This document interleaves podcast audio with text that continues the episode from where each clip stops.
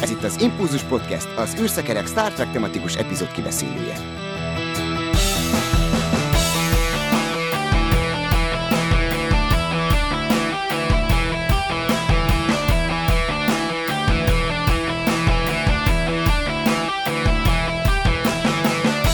Szervusztok, kedves hallgatók! Köszöntünk ismét mindenkit.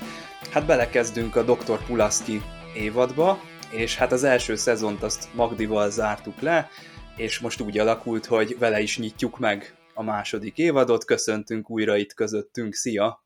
Sziasztok! És üdvözlöm műsorvezető társamat is, szervusz Dév! Sziasztok!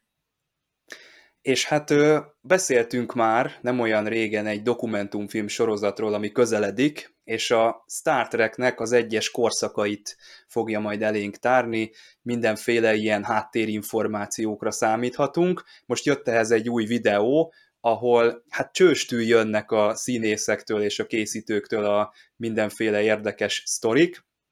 Engem még mindig az izgat inkább, hogy ez a dokumentumfilm sorozat, ez hát azt a célt is kitűzte, hogy a Phase 2 időszakról is bővebb betekintést fogunk kapni, tehát elvileg olyan dolgokba nyerhetünk majd betekintést, amibe eddig nem. Meg hát a, a rajzfilm sorozatnál is lesz egy ilyen kis kitérő, tehát ott is benézhetünk a kulisszák mögé. Engem nagyon izgat egyébként ez a Phase 2 időszak. Én annyira megnézném, hogy az, az milyen lett volna. Nyilván nem baj, hogy a csillagösvény elkészült, és így mozifilmes vonalon is el tudott indulni a Star Trek, de baromira kíváncsi lennék egy alternatív idővonalra, ha el tudnánk utazni, és megnéznénk, hogy milyen ez a Phase 2 sorozat, hát ez fantasztikus lenne. Lehet olvasni egyébként Memory Alfán, hogy milyen történeteket írtak hozzá. Egyébként a mai epizód is, amiről beszélni fogunk, az új nemzedék epizód, az is egy Phase 2 történet volt kezdetben, és hát onnan lett átemelve Marina Sörtis számára. Na de ti mennyire néznétek meg egy ilyen történetet a, hát mondjuk úgy, hogy a 70-es évekbeli Star Trek eredeti sorozatból? Én nagyon kíváncsi lettem volna rá, én fotókat láttam csak belőle, mert vannak olyan kiadványok, amikben benne vannak a, a hát nem tudom, ilyen próbafelvételeknél, ilyen jelmezpróbáknak is a, a fotói, tehát így Aileát is láttam a, a, a régi ö, sorozatnak az egyenruhájában, meg a, hogy ugye Spock nem szerepelt volna a és a, az új vulkáni tiszt is ö, volt fotókon, akit, aki helyette lett volna. Mondjuk ez az egy zavar, hogy kár, hogy ő nem szerepelt volna benne, de hát, ezért nem lett az egész sorozat. De hogy hát, írtó kíváncsi lennék rá. Én nagyon szerettem volna már megnézni ilyen, ha, ha csak ilyen félkész ö, epizódok is vannak, vagy, vagy felvétek, arra, arra is nagyon kíváncsi lennék, hogy hogy nézett volna ez ki, és vajon hogy lett volna neki sikere. De így eléggé, ahhoz képest, hogy 70-es évek, szóval így, így ránézésre nagyon a, hatósnak a mhm. világa lett volna, tehát nagyon olyan látványvilág, mint a 60-as években, de hát gondolom, hogy azért is, mert onnan akartak átvezetni.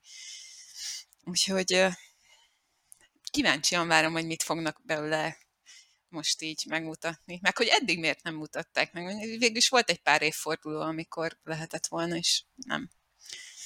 Hát igen, amit, amit eddig tudtunk róla, hogy díszletek voltak, tesztfelvételek voltak, ilyen ruhapróbák, make-up, stb., de ennél tovább lehet, hogy nem jutott a projekt.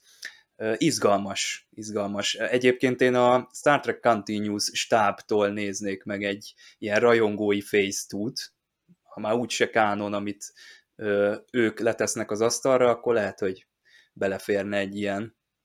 Hát a Continuous csapata ráadásul nagyon nagy gondol készítette a, a díszleteiket is, meg is lehet egyébként ö, tekinteni, ugye ők már lezárták a, hát a, a sorozatot, úgymond azzal az évaddal, de nagyon komolyak és igényesek a díszletek. Viszont én örülök, hogy mégis mozifilm jött ki 79-ben, mert az igazi jó időszak a sorozatoknak az tényleg a 80-as és a 90-es évek voltak az olyan típusú sorozatnak, mint a, a Star Trek. Tehát akkor tényleg így, így színvonalas módon, meg időtállóan tudták ugye azt a, hát azt a tényleg több száz epizódot felvonultatni, amivel tényleg a, gyakorlatilag a Star Treknek a hát mostani alapját teremtették meg, ugye a TNG korszak. És a mozifilmeknek pont azt bizonyították be, hogy ezek a történetek a, a vászon is nagyon jól működnek.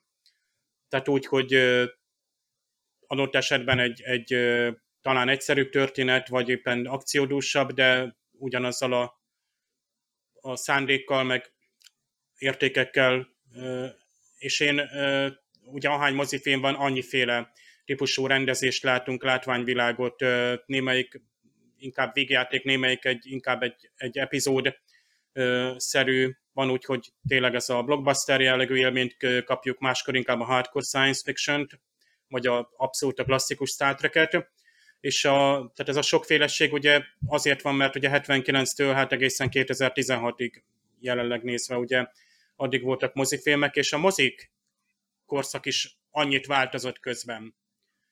És nem tudom, hogy a 70-es években elindított tévésorozat kitartott volna olyan sokáig, mint egy 87-ben indult ö, televíziós sorozat, amire szépen építették rá, és a televíziós technika meg a nézőigények változásával folyamatosan update bár azért, azért sikerült megtartani egy olyan vonulatot, hogy gyakorlatilag ilyen egységes korszakként a történetmesélés típusban, a karakterfelépítésben, a, a mondani való tállásában így, így nagyjából egységes a 90, az a 87 és 2002 közötti korszak, hogy az Enterprise is, igen, egyébként még az is oda tartozik, attól függetlenül, hogy más korszakban látványvilága játszódik, gyakorlatilag még mindig a TNG korszak a Börmenérenek a, a, a része minden szempontból.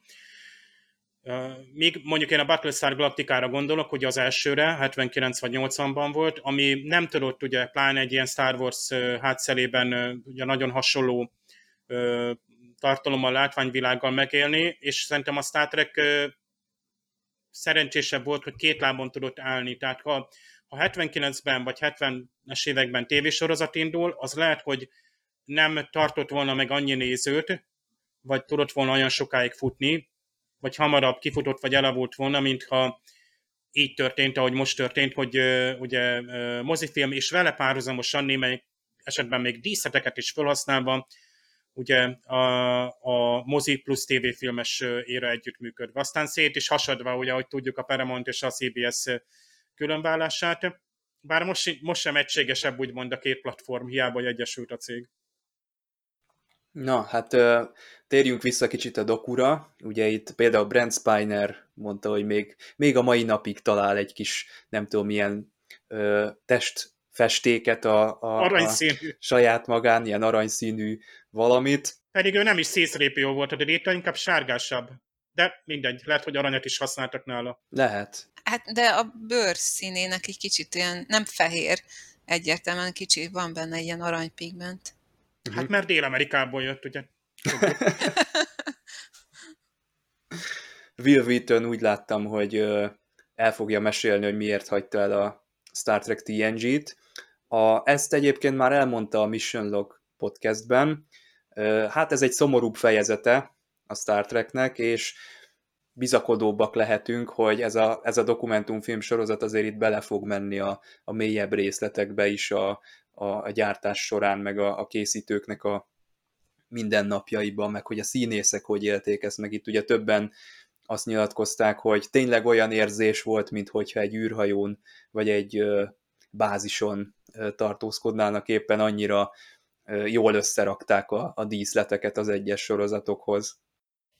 Hát én voltam a, a díszletében, legalábbis úgy a díszletében, hogy, hogy Star Trek konon lehetett fotózkodni benne, és így kirakták. Egyébként volt a, a Borg hajónak is a díszlete, ott is be lehetett állni a, a mondjátok már, minek hívják ezt a... Regenerációs fülke? Az, az regenerációs fülke, abban be lehetett állni. Szóval így meg lehetett nézni, és a, a TNG um, hajófedélzetére is föl lehetett menni, meg így körbejárni. Meg. Beültél a kapitányi székbe, ha már... Hát, hogy ne, hogy ne ültem volna be, hát ezt muszáj volt kipróbálni. Igen. Igen. Előtte az a Pikár kapitány fényesre csiszolta Egyébként előttem ült benne pont Patrick Stewart, mert hogy ő vele is lehetett fotózkodni a, a hajóhídon, úgyhogy, úgyhogy ugyanabba a székbe ültünk be. A szék, az egész a szék körül forog, az a Center Seat, ugye ez lesz Csaba a címe. Igen. És én pont most mostában gondolkoztam azon, ugye nézve a TNG-t, hogy ezek a székek még mindig ilyen fotelszerűek, még a ugye kapitány, Troy tanácsadó és Riker, ugye ők hárman ülnek időnként, a, tehát doktornő, tehát más is alatt tud ülni, egy kis tanácskozás volt, de amúgy ők mit csinálnak egész végszolgálatban, csak ülnek, tehát nincs előttük egy, egy monitor, egy kijelző, én nem is tudom, hogy a karfán lehet-e valamit csinálni. Hát a tanácsadónő Tehát... lehet, hogy csak az érzelmi kitörésekre figyel ott a Jó, hídon. ő neki van dolga, de Pikár kapitány végigül, mert sokszor ő kimegy, és akkor a saját kis irodájában, nem tudom, Shakespeare-t olvas. De a Rikerrel pont beszélik ebben a Child epizódban, hogy ő mikor váltja majd le, és akkor a Riker kimegy, és ő ül oda. Igen, igen, tehát hogy azért csak ott vannak, tehát amikor szolgálat van, akkor ott ül. És nem nyomkodja a mobiltelefonját, hogyha unatkozik. Hát a panel és van ugye, egy ilyen kis szélen, egy ilyen kis panel. Ne is fejtsük ki, mert ugye... vagy valami. Hát várjuk, ugye ez tíz részes egyébként, ez pont most meg is lepett engem, hogy ez nem egy lesz, tehát itt bőven beleférnek ilyen, ilyen háttérsztorik. Ugye érdekes, hogy így több évtized múlva jönnek ki negatív dolgok is, most egy kicsit vélvételen is csodálkoztam. Persze tudom én is, hogy, hogy ugye ott hagyta, és, és nem tudom, hogy meg fog-e szólani például a Dennis Crosby, vagy teszem azt két Mulgrew és Jerry Ryan, tehát vagy éppen Robert Beltrának ő belőle is így panaszok, ő belőle ki kijöttek, igen, a 2000, 2010-es években, akkor már szerintem megvolt a elhatárolódás, hogy a időbeli távolság, produkciós kötöttség se voltak, hogy nekik nem volt szabad, teszem azt nyilatkozni esetleg egy olyan visszásság, hát idézőjelben, ami egy, mondjuk, hogy hát például, igen, hogy de ezeket ilyen konvencionökön azért ott, már ott viszont azért mesélni. szóba szoktak kerülni. Meg tényleg az ilyen régebbi kiadású, vagy a, hát az új kiadású régebbi sorozatoknak az extrái között már azért bátrabbak a megszólalók, tehát tényleg el kell telnie azoknak az éveknek, évtizedeknek, és akkor, akkor azért ott hát komolyabb történeteket lehet hallani a színészektől és a készítőktől. Na, hát vágjunk bele akkor a mai epizódunkba, és a háttérinformációkat és érdekességeket ezúttal Attila fogja nektek elmondani, de szerintem azt is érdemes itt beharangoznunk, hogy nem csak az új nemzedékről fogunk ma beszélni, hanem a Star Trek Prodigy-nek bemutatkozott ugye a hát dupla részes ö, első története, és hát tudjuk, hogy lehet, hogy sokan óckodtok még itt a spoilerektől, úgyhogy ezt a kibeszélőnket, ezt a műsornak a végére helyeztük inkább, úgyhogy aki erre kíváncsi, az akár egyből oda is tekerhet, vagy timestampben lesz arra lehetőség, hogy rá lehessen kattintani. Aki meg még nem nézte meg, az le tudja zárni majd a műsorunkat a, akkor, amikor befejezzük a TNG-t, de akárhogy is, most halljuk akkor Attillát. Figyelem! A műsorban spoilerek bukkanhatnak fel.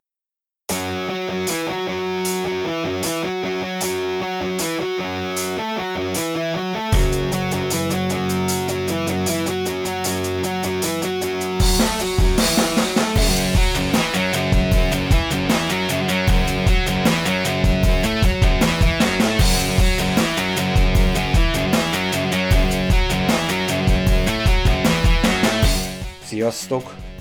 A TNG első és második évadának forgatása között is történtek érdekes dolgok. Jonathan Frakes, ő például megnősült. Elvette élete szerelmét Jenna francis akivel az Észak és Dél sorozatnak forgatásán jött össze, és 1988. május 28-án történt meg az esküvő, amelyre természetesen a TNG teljes csapata hivatalos volt, mint vendég. Ezen az eseményen történt meg az, hogy Gene Roddenberry félrehívta Marina Sörtiszt, és közölte vele, hogy a következő évad első része, a gyermek, az gyakorlatilag az ő epizódja lesz, mert ő lesz a középpontban. Ehhez persze tudni kell, hogy Marina az első évad során komolyan gondolkozott azon, hogy az első évad után nem vállal második évadot, mert úgy érezte, hogy a karakter, amit ő játszik, Diana Troy tanácsadó, nincsen kellőképpen kihasználva, hogy a forgatókönyvírók nem tudnak mit kezdeni a karakterével. Szerencsére barátai, Brent Spiner, Michael Don, Frakes, ők lebeszélték arról, hogy elhagyja a sorozatot, és valószínűleg ez eljuthatott Gene Roddenberry fülébe is, aki végül is neki ajándékozta úgymond ezt az epizódot. Ehhez persze tudni kell, hogy tulajdonképpen a Haven epizód óta Major Barrett és Marina Sirtis között szinte anya-lánya kapcsolat alakult ki a valóságban is, mert való, Major Barrett valóban nagyon megkedvelte Marinát a közös munka alatt, és amikor karácsony eljött, Major Barrett meghívta hozzájuk, hogy velük töltse el a karácsony, ne egyedül egy szállodai szobába. És ez a anyalánya kapcsolat gyakorlatilag Major Barrett haláláig megmaradt. Így tulajdonképpen családtagnak számított. Amit erről az első epizódról tudni kell, hogy ez tulajdonképpen a Star Trek második fázishoz készült egyik történetnek az átirata, ahol az eredeti szereplők a mozifilmből ismert William Decker és a deltai Ailia hadnagy lett volna, ahol az Enterprise-ra ugyanúgy egy ilyen energia lény behatol a hajóba, és ezúttal azonban Ailia hagynagyba költözik bele, és megszületik egy gyermekként, csak egy kislány, akit később Iskrának neveznek el. És ennek a gyermeknek is vannak különleges képességei, amelyeket később nagyon jól jönnek, amikor a hajó veszélybe kerül. Ezt a történetet ültették át tulajdonképpen már a TNG keretei közé, de nem ez az egyetlen dolog, ami megváltozott. Hát tudjuk, hogy Worf hadnagy immáron biztonsági főnök lett Tasajár helyén, tulajdonképpen megerősítve ebbe a, a biztonsági főnök szerepébe, hanem Levar Burton alakította Jordi LaForge is most már elfoglalta helyét a gépházban, de új szereplőket is kaptunk, illetve régiek is távoztak.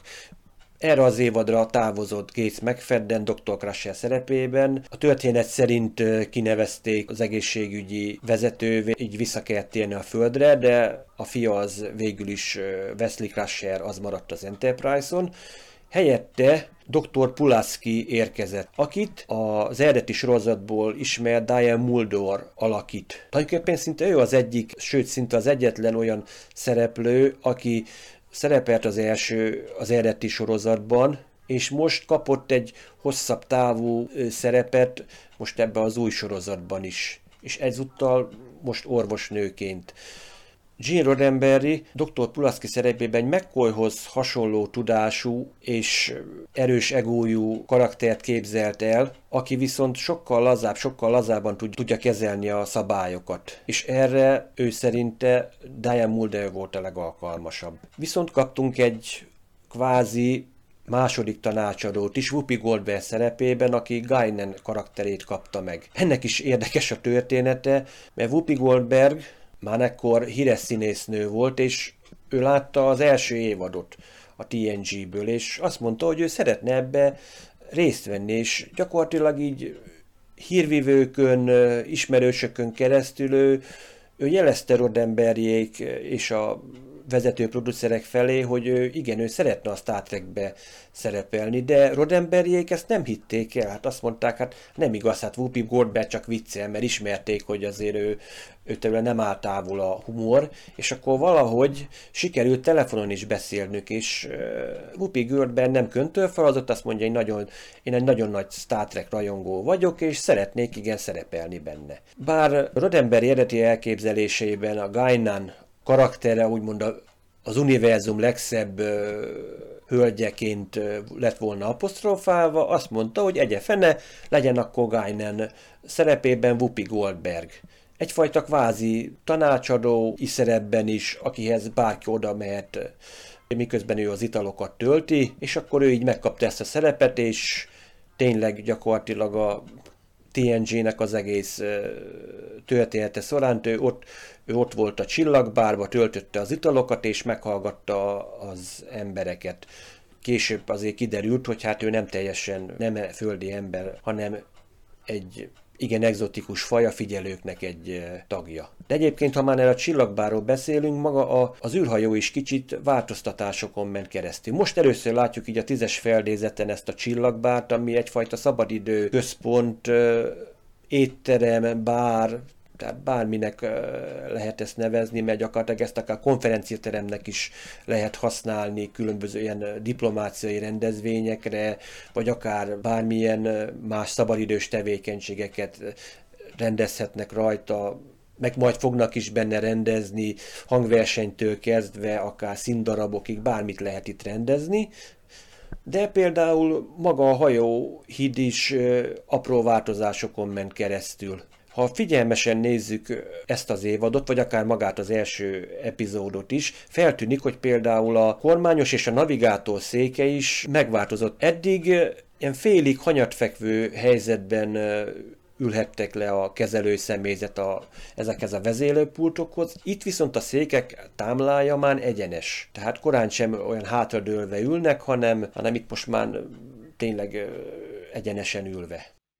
Hát Attilának köszönjük szépen a érdekességeket. Ugye itt a Phase 2-ból átvett történetről van szó, de ilyet később is fogunk látni, hogy jön egy gyerek, aki először nagyon kicsi, aztán nagyon rövid idő elteltével már nagyobb, aztán még nagyobb, aztán még nagyobb, tehát rohamos növekedésbe kezd a hajón. Például az Enterprise-ban, amikor ugye a Tripnek egy ilyen klónja előáll, akkor láthatjuk őt fiatalon is, illetve nem teljesen ilyen, de egy kicsit ide soroltam itt az adásnaplóban a Voyager-ben a Borg című epizódot, Drone, ez a, ugye az eredeti címe, amikor ugye azt hiszem, hogy a doktornak a, a holosug, a mobil sugárzója és a hetesnek valami nem tudom milyen összekeveredik, és hát a abból... nanoszondái mondjuk így. Hogy... Nanoszondája, igen, köszönöm, és abból lesz egy ilyen, hát eleinte egy ilyen kis tartályba látunk egy kisebb Borg valakit, aztán utána meg ö,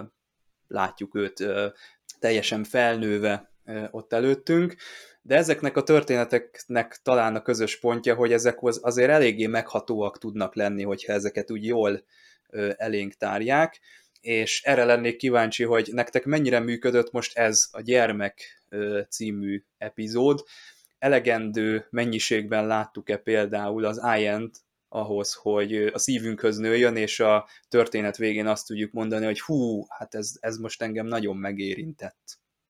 Hát nagyon érdekes szerintem a, így visszanézni ezt az epizódot. Én amikor néztem, ugye én akkor még ilyen középiskolás voltam, engem nagyon meghatott, a, talán az első epizódok között volt, amit fölvettem videómagnóval, mert hogy annyira tetszett.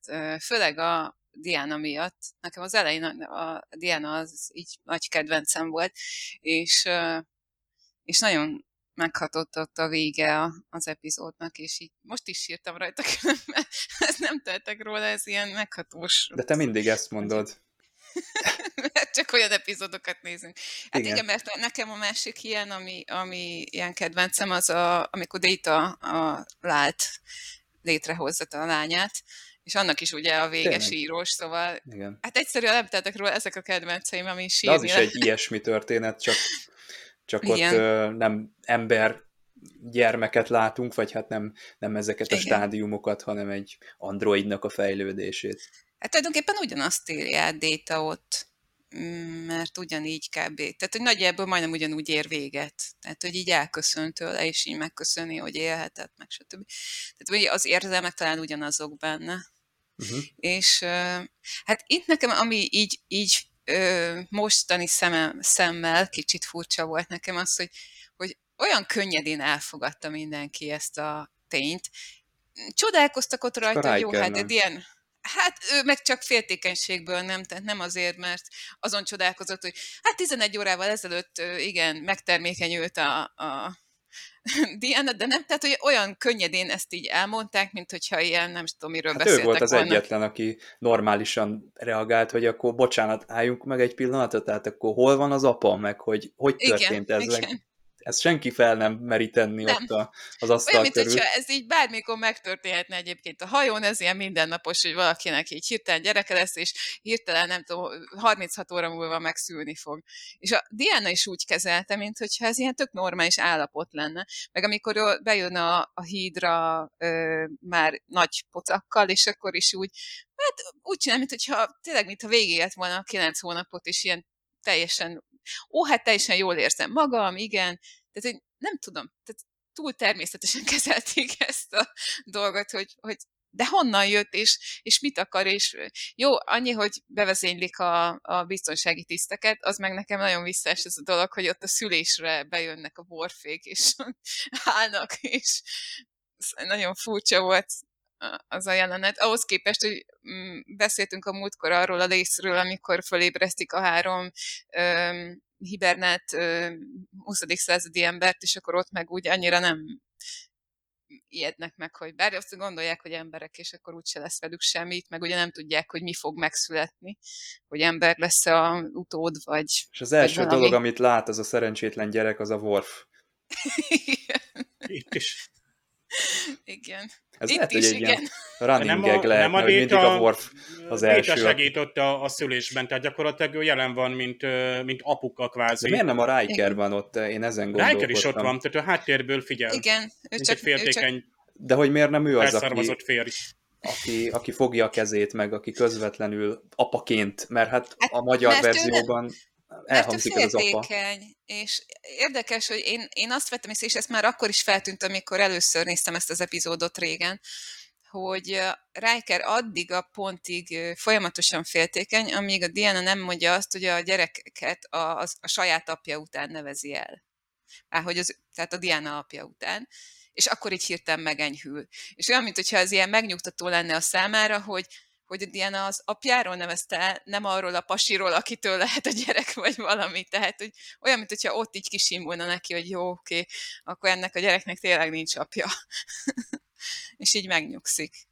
Szerintem igen, tehát, hogy azért nem ő van ott. De amúgy meg Détának nyugodtan szorongathatta. Ja, persze mondjuk nem, nem fájdalommal szült, mert azt többször kiemelik. Hogy gondoltam, hogy Détának a kezét nyugodtan szorongathatta Diana, mert ő nem érzi, hogy szétnyomorgatja, de hát ugye ez, ez, ez nem olyan szülés volt a filmben. hát nyilván egy lehetőség volt egy újabb lépcsőfok Détának a fejlődésében, hogy egy ilyenen is részt vegyen, egy apás szülés, vagy nem tudom, tehát egy ilyen mm, első sorból, vagy, vagy közvetlenül lássa egy, egy új életnek a, a világra jövetelét. Igen, meg utána is nagyon, tehát furcsa, hogy olyan könnyedén kezelik ezt is, hogy olyan gyorsan öregszik a gyerek, hogy nem félnek ettől, vagy nem. így már. Elviszik Első óvodába. évadban már mindenki megszokta. Igen, tehát, hogy egynaposan, ugye négy éves, és aztán Hát ezek a nyolc pikádék ott évesen, eléggé kétségbe vannak esve. Mikor ugye először a, a Hát igen. kabinjába mennek, akkor a gyerek nyugtatja meg őket, hogy a- az egy elég creepy jelenet egyébként, mikor a gyerek Mhm. Igen. mondja nekik, hogy ilyen horrorfilmes kicsit, tudjátok, vannak ezek a horrorfilmes gyerekek, akik ö, félelmetesen néznek, ez, ez, ez nagyon olyan. És még a TNG-ben is lesznek. A Igen. TNG tipikusan az a 80-as években már hozta ezeket a ö, félelmetes gyerekeket, tehát lesz, lesz még olyan.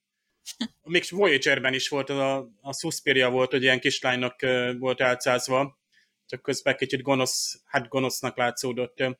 Ö, viszont itt nem jutott eszetekbe például Anakin Skywalker? Ja, Tehát igen, ő is egy olyan, neki igen, sincs apja. tehát hogy a, a Smi mondja, hogy hát itt nem volt apa. És akkor uh-huh. igazából ott a, a, az obi se csodálkoznak, mert igazából tudják, hogy hát az erőtől van, meg hogy igazából ez szükséges volt, a, hogy egyensúlyt hozzon, ugye. És uh, igazából lehet, hogy itt is uh, úgy gondolkozik a legénység. Egyébként Worf nagyon durva, mert ő ugye még mondja is, hogy hát itt hú, azonnal meg kell szakítani, és hogy utána, uh-huh. ugye abortusz után is lehet tanulmányozni, míg ugye a Déta azt mondja, hogy egy élőlényel van dolgunk, és a Diana ezt lezárja, hogy már én pedig meg fogom szülni, Picard pedig azt mondja, akkor megszületett a döntés. Ez az ő döntése. és ez igen. teljesen korrekt. Tehát a, a, a Diana volt. döntett, teljesen jó jelenet. Egyébként a Worf tipikusan ugye ezt a hadihajó ö, mentalitást hozza, a gyengékedőn szinten, amikor két biztonsági tisztel, ugye bemegy a Pulárszki, meg azért megnyugtatja, hogy hát ez mégiscsak egy baba. Azért mégse veszélyes, bár Pulárszki egy kicsit naív ahhoz képest, azért ő már nem tapasztalt egy, egy, egy, egy orvos lehet, aki találkozhatott áthatlannak tűnő egészségügyi helyzetekkel, tehát azért itt tényleg egy kicsit megvan ez, amit szoktuk mondani, ugye emlékszel Csaba, ezt a, ezt a kicsit naivitás, vagy, vagy túl nagy bizalom, ugye azokkal a mhm. jelenségekkel szemben találkozunk, hát milyen ártatlan, hát csak egy kisbabát, az, az miért lenne veszélyes, ugye de azt a sugárzást azt nem veszik észre, ami, ami jön a gyerekből. Igen, meg hát Puleszki jobban aggódik. Egy, lehet, hogy azért nem aggódnak annyira a Diana gyereke miatt, mert jobban lefoglalja őket ez a vírus, amit szállítanak, mert Na, hát az igen. sokkal közvetlenebb veszélyt jelent, vagy, tehát, vagy tehát nem biztos, ugye nem tudják a gyerek milyen veszélyt jelent, de hogy, hogy inkább azt foglal le mindenkit, hogy azt a, jussanak előre. És hát így a, a mai korunkban, itt a koronavírus árnyékában, az nekünk is elég para, amikor ezt így halljuk, hogy vírusokat szedünk, és akkor elmondják, hogy hát, de hát tudja, hogyha kiszabadul, akkor itt mindenki meghal, és amikor már ráadásul az a veszélyhelyzet van, hogy, hogy ö, kitörhetnek a tartályból, meg ilyesmi, és az sem megoldás, hogyha kirakják az űrbe. Mit lehet csinálni? Én is azon hát, gondolkodtam, igen, hogy... hát meg, nem tudom, hogy, a, tehát, hogyha mondjuk kilőtték, vagy kisugározták volna, és akkor ott megsemmisítik az űrben, akkor Fézerrel nem szétlövik a... Vagy a fézer sem pusztítja vírus. el, mert ugye azt mondták, hogy az sem megoldás. Én csodálkoztam, hogy a, hát általában, hogyha valami gáz van, akkor ezt szokták csinálni. Hát ha ennyire rossz a helyzet, akkor az mégiscsak egy jobb megoldás, ha kitesszük a Igen. hajóról, mert a hajón marad, akkor a hajó is megfertőződik, és, és egy fertőzött meg... hajó az hajó, nagyobb Igen. veszély, mint... Igen mint, mint, mint hogyha ott lebeg, ami, hát nem tudom mekkora statisztikai esélye van, hogy ez egy bolygót eltalál majd egyszer. Hát így is nem is értem egyébként azt, a, ugye a végén kérdezik, hogy, hogy azért viszik, hogy akkor majd a vakcinát megtalálják, és mondja, hát nem biztos, hogy megtaláljuk a vakcinát. És akkor kb. ezzel le is zárják, hogy viszik a halálos vírust, de biztos, hogy a vakcinát megtaláljuk. A kétszálas építkezés, hogy a TNG-nél néha jól bejön, máskor meg legyengítik egymást azok a szálak. Tehát például itt nem ismerhettük meg annyira a Troy gyermekét, hogy, hogy, hogy tehát én, mint átlagnéző, annyira én nem, nem tudom, nem voltam szomorú, vagy nem is tudom, hogy, hogy tehát ez, ez így, talán azért, mert a többiek reakciója sem volt olyan, hogy nem tudom, féltek volna, vagy a gyermekből aludt volna, hogy tehát a, a, a veszélyhelyzetet inkább a másik szituációban láttuk, és az megint egy felnagyított probléma volt, tehát úgy szólván ide volt téve emellé, hogy, hogy legyen egy, egy, egy, egy másik helyzet, aminek kapcsán ugye a, a gyermeknek a jelenléte is probléma. Ugye a közepén azt mondja a Pikát, hogy most már two major problems, hogy amikor már Pikár is azt mondja, hogy két nagy problémánk van, akkor már tényleg ugye a csúcspontjára értünk az epizódnak, tehát ilyenkor szokott tehát elérni ugye az a drámai csúcspont, hogy valami súlyos döntést kell ö, hozni, és akkor ugye érezzük ezeket az időhúzásokat, ott ugye a, a nem tudom, az a kiskutyás jelenet, vagy amikor ott... Ah, kiskutyák vannak az oviba, az, azon nem tudom, gondolkodtatok-e, hogy az, az mi? Tehát, hogy oda vitték őket, vagy azok ilyen holografikus egy alomnyék és egyébként a hologramok, hát és mi lesz én velük? elájultam, után? hogy milyen minőségi a, a, az epizódnak a, a, a vizuális megjelenése. Tehát például a Jordi, Pikár előtt az asztalon bemutatja azt a szállító-tároló konténert holografikusan. Aztán ugyanazt látod nagyban már, mint valódi fizikai modellként fölépítve. De csak úgy mellékesen ott a gyerekek a, nem tudom, óvodában, vagy ilyen nursery, vagy mi volt az, játszottak ilyen holografikus, mint később lesz majd az a game, amivel ilyen, hát ilyen pszicho játék, amit mindenki elbú, amit minden, ami mindenkit elbúdít, de ez, ez már 88-ban vagyunk még mindig, és 3D-s Igen. grafika került rá ugye a, a valódi jelenetekre. És nem rosszul. Jól néznek ki. Mhm. Ja, ja. Na, mit szóltok a Dr. Pulaszkihoz, ugyan blokk a, a bemutatkozáshoz, és az ő karakteréhez, meg ugye neki détával van ez a nagyon nyers hozzáállása. Nekem őszintén megmondom, hogy amikor annak idején néztem, nekem a Puleszki nem volt annyira szimpatikus. Uh-huh. Én, én nem kedveltem a stílusát. Most már másképp látom egy kicsit, most másképp jött le, de ez a ahogy a Data-val beszél, nekem ez annyira unszimpatikus volt, amikor Data kijavítja, ugye, hogy a nevét rosszul ejtette, és akkor ő meg oda megy, és és elkezdi megvizsgálni, de hát nem is értem, mit vizsgál rajta, semmi értelme nem volt annak, hogy elővette a trikordert, csak olyan, mint a megalázná vele. Igen, tehát demonstrálta, hogy Igen, és akkor mondja, gép. hogy jaj, hát egy, egy gép is meg tud sértődni, és így mi, milyen program az, ami ezt így létrehozza benne, meg ilyesmi. Szerintem ez annyira nem volt szimpatikus. Ez, ez ilyen belépőnek nagyon nem tetszett ez a... Amúgy miért van az, hogy a, meg... a doktoroknál nagyon gyakori az ilyen bunkó nyers, ö, tehát a filmben Igen. szeretjük az ilyen, főleg a Battlestar Galaktikában, amikor ugye dohányzik ott, amikor a terhes nőt vizsgálja, még be is szólnak neki, hogy nem kéne cigizni, visszaszól, tehát rettenetes hát, a Dr. House vannak. erre épül. Igen, ja, hát igen, igen. igen. Lehetséges, hogy, hogy csak ennyi, hogy ilyen stílust akartak belevinni. Mert valahogy izgalmas az a, az az ellentét, hogy ő az embereket gyógyítja, és ő, ő neki az az esküje, hogy ne ártson, és, és hogy mindent megtegyen, és ezzel ellentétben van egy kibírhatatlan személyiség. Jó, a Pulaszki az nem annyira durva azért szerintem, tehát csak a détával szokott ilyen bunkó lenni, meg azért megvannak neki a, a határozott fellépései, de nem mondanám azt, hogy ő egy bunkó doktor kifejezetten. Amúgy nem. Amúgy nem. Egyébként érdekes, nem tudom, ti olvastátok el, hogy a, a Détának a nevét, ugye ezen megy egy ilyen poén, hogy, hogy most hogy ejti ki, és akkor azt mondja Déta, hogy, vagy kérdezi, miért mi a különbség? Hát az egyik a nevem, a másik meg nem. Igen. Hogy én úgy olvastam egyszer, hogy a Détának a nevét azt britesen ejtjük ki, mert a, amikor megjelent a Patrick Stewart a sorozatba, akkor ő a brit akcentussal ejtette ki a, a, a nevet, és hogy valójában nem, nem úgy kell kiejteni. Most nem tudom, hogy a Puleszki az jól mondja eredetileg, mert erre már nem emlékszem, hogy ő mondja Majdnem a, helyesen. Majdnem a... Már hogy helyesen, data, bocsánat, amerikai kiejtésen, nem annyira, helyesen, ez kicsit...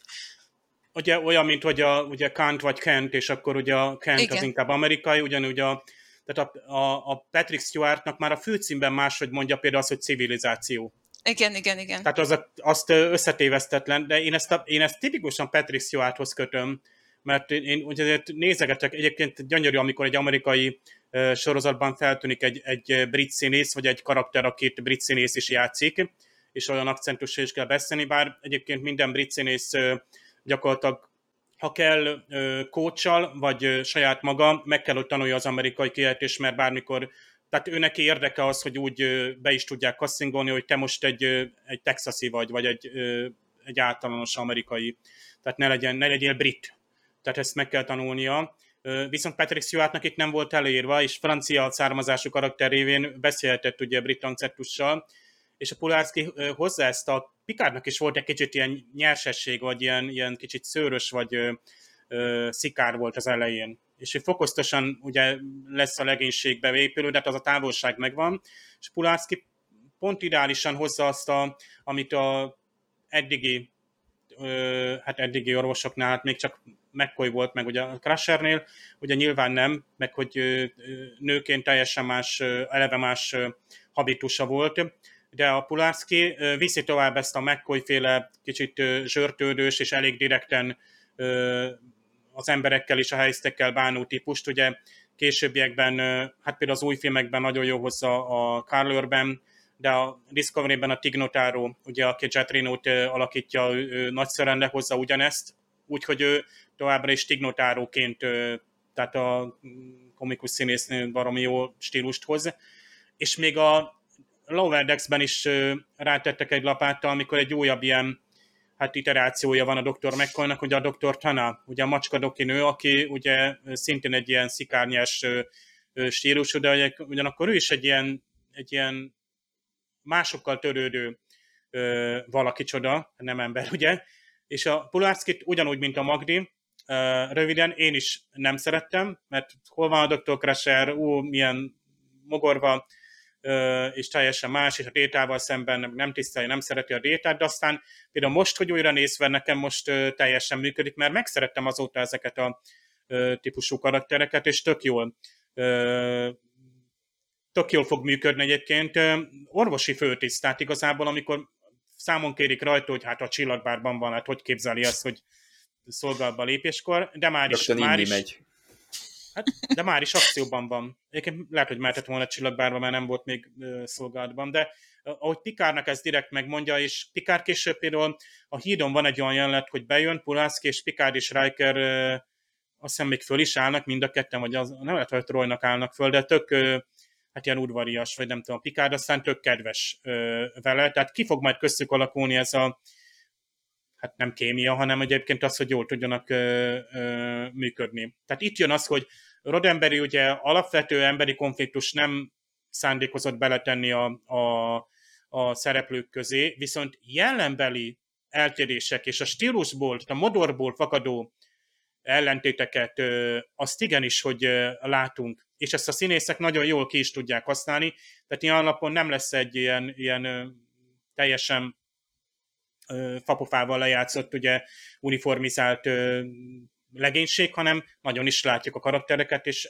szerintem ezért van az, hogy bárki le tud ülni egy szátrek elé megnézni, mert van, aki azt mondja, hogy hú, milyen jó ez a Pulászki karakter, hogy erre kíváncsi leszek, hogy hogy fog működni, hogy lesz nekem még ilyen csörté a détával, és, és lesznek bizonyos szempontból lesznek még kalandjaik. Igazából az a jó egyébként most, hogy így mondod, hogy a Puleszkiba végül is az egy jó dolog, hogy nem a, a Crusher doktornak a stílusát hozta. Tehát nem az volt, hogy pótoltak egy karaktert, és akkor legyen egy ugyanolyan jellemű karakter, hanem totál másmilyen karaktert hoztak be. Tehát, Vagy még egy... rosszabb, hogy nem az a, ugyan, nem egy másik színésznő játszotta ugyanazt a ja. karaktert, mert ilyet is az, szoktak az lett volna a legrosszabb. Igen, igen, igen, az lett volna a legrosszabb, de az, hogy, hogy azt mondták, hogy jó, hát akkor most egy másik karaktert hozunk, és akkor nézzük meg, hogy ő hogy tud-e bizonyos helyzetekben szerepelni. Tehát egy kísérletképpen, hogy a Beverly Crusher biztos nem így viselkedett volna ebbe a helyzetbe, és akkor nézzük meg, hogy egy másik karakterű orvos az mit csinál. Szóval ilyen szempontból tök jó. Igen. Hogyha Troy tanácsadónő nem ad tanácsot, mert éppen róla szól az epizód, akkor a Guinenhez kell fordulni. Whoopi Goldberg, ugye itt van nekünk az új csillagbárban, és hát mondhatjuk, hogy ez egy harmadik szál már, egy C szál a történetben, hogy a Wesley Crushernek ez a menjek vagy nem menjek dilemmája is itt van. Igen, az nekem nagyon tetszett a de Gainennek a tanácsadása. Tehát annyira jól van levezetve, hogy hogyan nem konkrétan azt mondja, mm, hogy hogyan döntsön, hanem ilyen szépen rávezeti. Például ezzel, a, amikor a koktélokat kínálja neki, és akkor mondja, hogy így van, így van, így van, és akkor mondja neki már a végén a vesztő, hogy már, már harmadjára mondja, mert ezt várják el tőlem. És akkor érti, hogy ez arra vonatkozik, hogy őtől mit várnak el, és hogy őnek is van döntés abba, hogy, hogy választhat mást, és annyira szép az a, az a gondolat, amikor azt mondja, hogy van olyan a helyzet, amikor önzőnek kell lenni, és saját magad felé kell döntened mások elvárásai helyett. És akkor így hozza meg Veszti ezt a döntését, és milyen jól teszi. És tulajdonképpen mindenki, hát ugye a, hát a végén annyira örül mindenki, csak elkezdik húzni mindenfélében, az annyira aranyos, hogy, hogy ki lesz, aki tan, tanul velek, és ki fogja elringatni, és akkor Worf megszól. Én majd elringatom. Azt, azt megnézném, ugye, komolyan Worf, mint mondta ezt. Látta, nagyon komolyan mondta. Látszott a szemén, hogy nem, nem szeretné, de készen áll erre, hogyha nagyon muszáj. Szóval így, így teljesen jó, meg hát ugye szerintem Pikár is örül neki.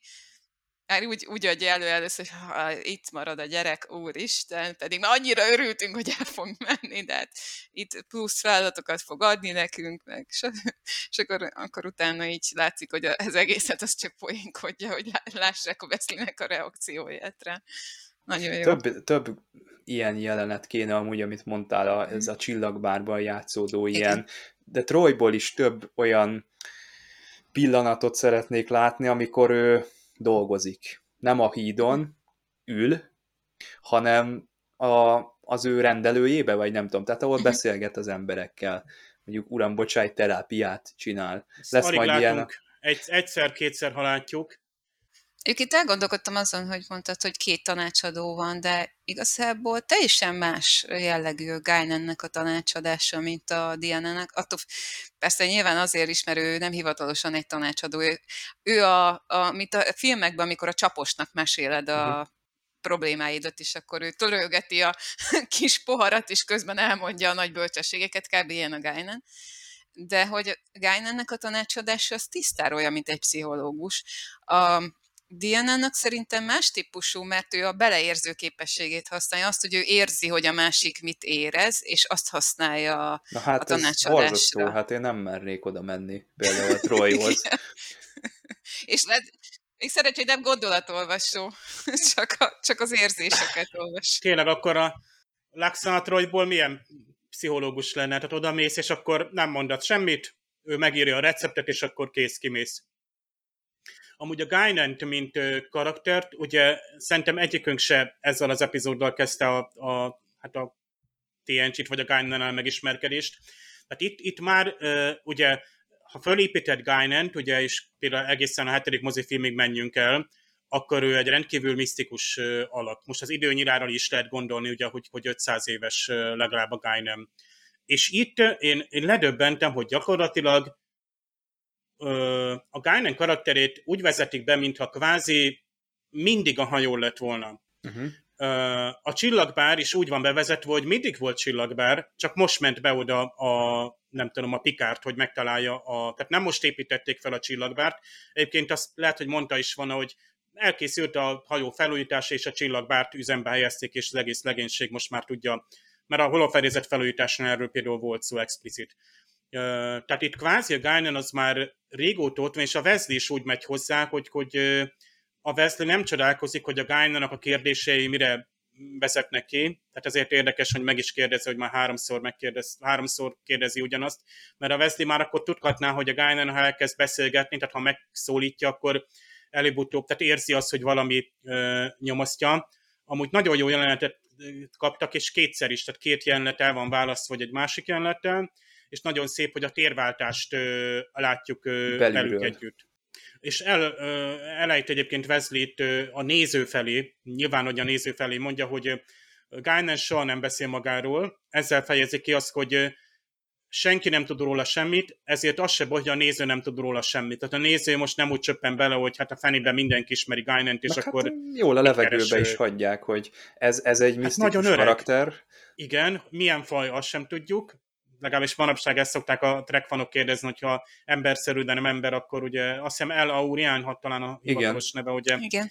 És ö, a Stargazerről ismeri Picard, vagy már akkor ismerte, és ö, tehát igazából ö, egy titokzatos származás nélküli, és ez nagyon jó, hogy ö, a, a, a Guinan így gyakorlatilag ö, ő is olyan lehet, mint a Diana, hogy gyakorlatilag a meríthet, tehát amikor ő tanácsot ad, vagy ő beszél valakivel, akkor erre a, a, a misztikus rétegére, a személyiségére támaszkodhat, tehát gyakorlatilag mondhat bármit, ami így kétértelmű, tehát az, az mindig egy jó eszköz lesz, és ez jó forgatókönyvírói, tehát az egy olcsó húzás, hogy van egy technológiánk, nem tudom, mivel egy veszélyes sugárzást eliminálni tudunk, az bármelyik szifiben lehet, de ha behelyezel egy jó karaktert, akinek egy-két így utalással teszem, azt így misztikussá teszed, azt azzal gyakorlat, és nem gondolatolvasó, mert az is túl snasz, túl egyszerű gondolatolvasó, és akkor rögtön megmondja a kapitánynak, hogy ez a Klingon hazudik,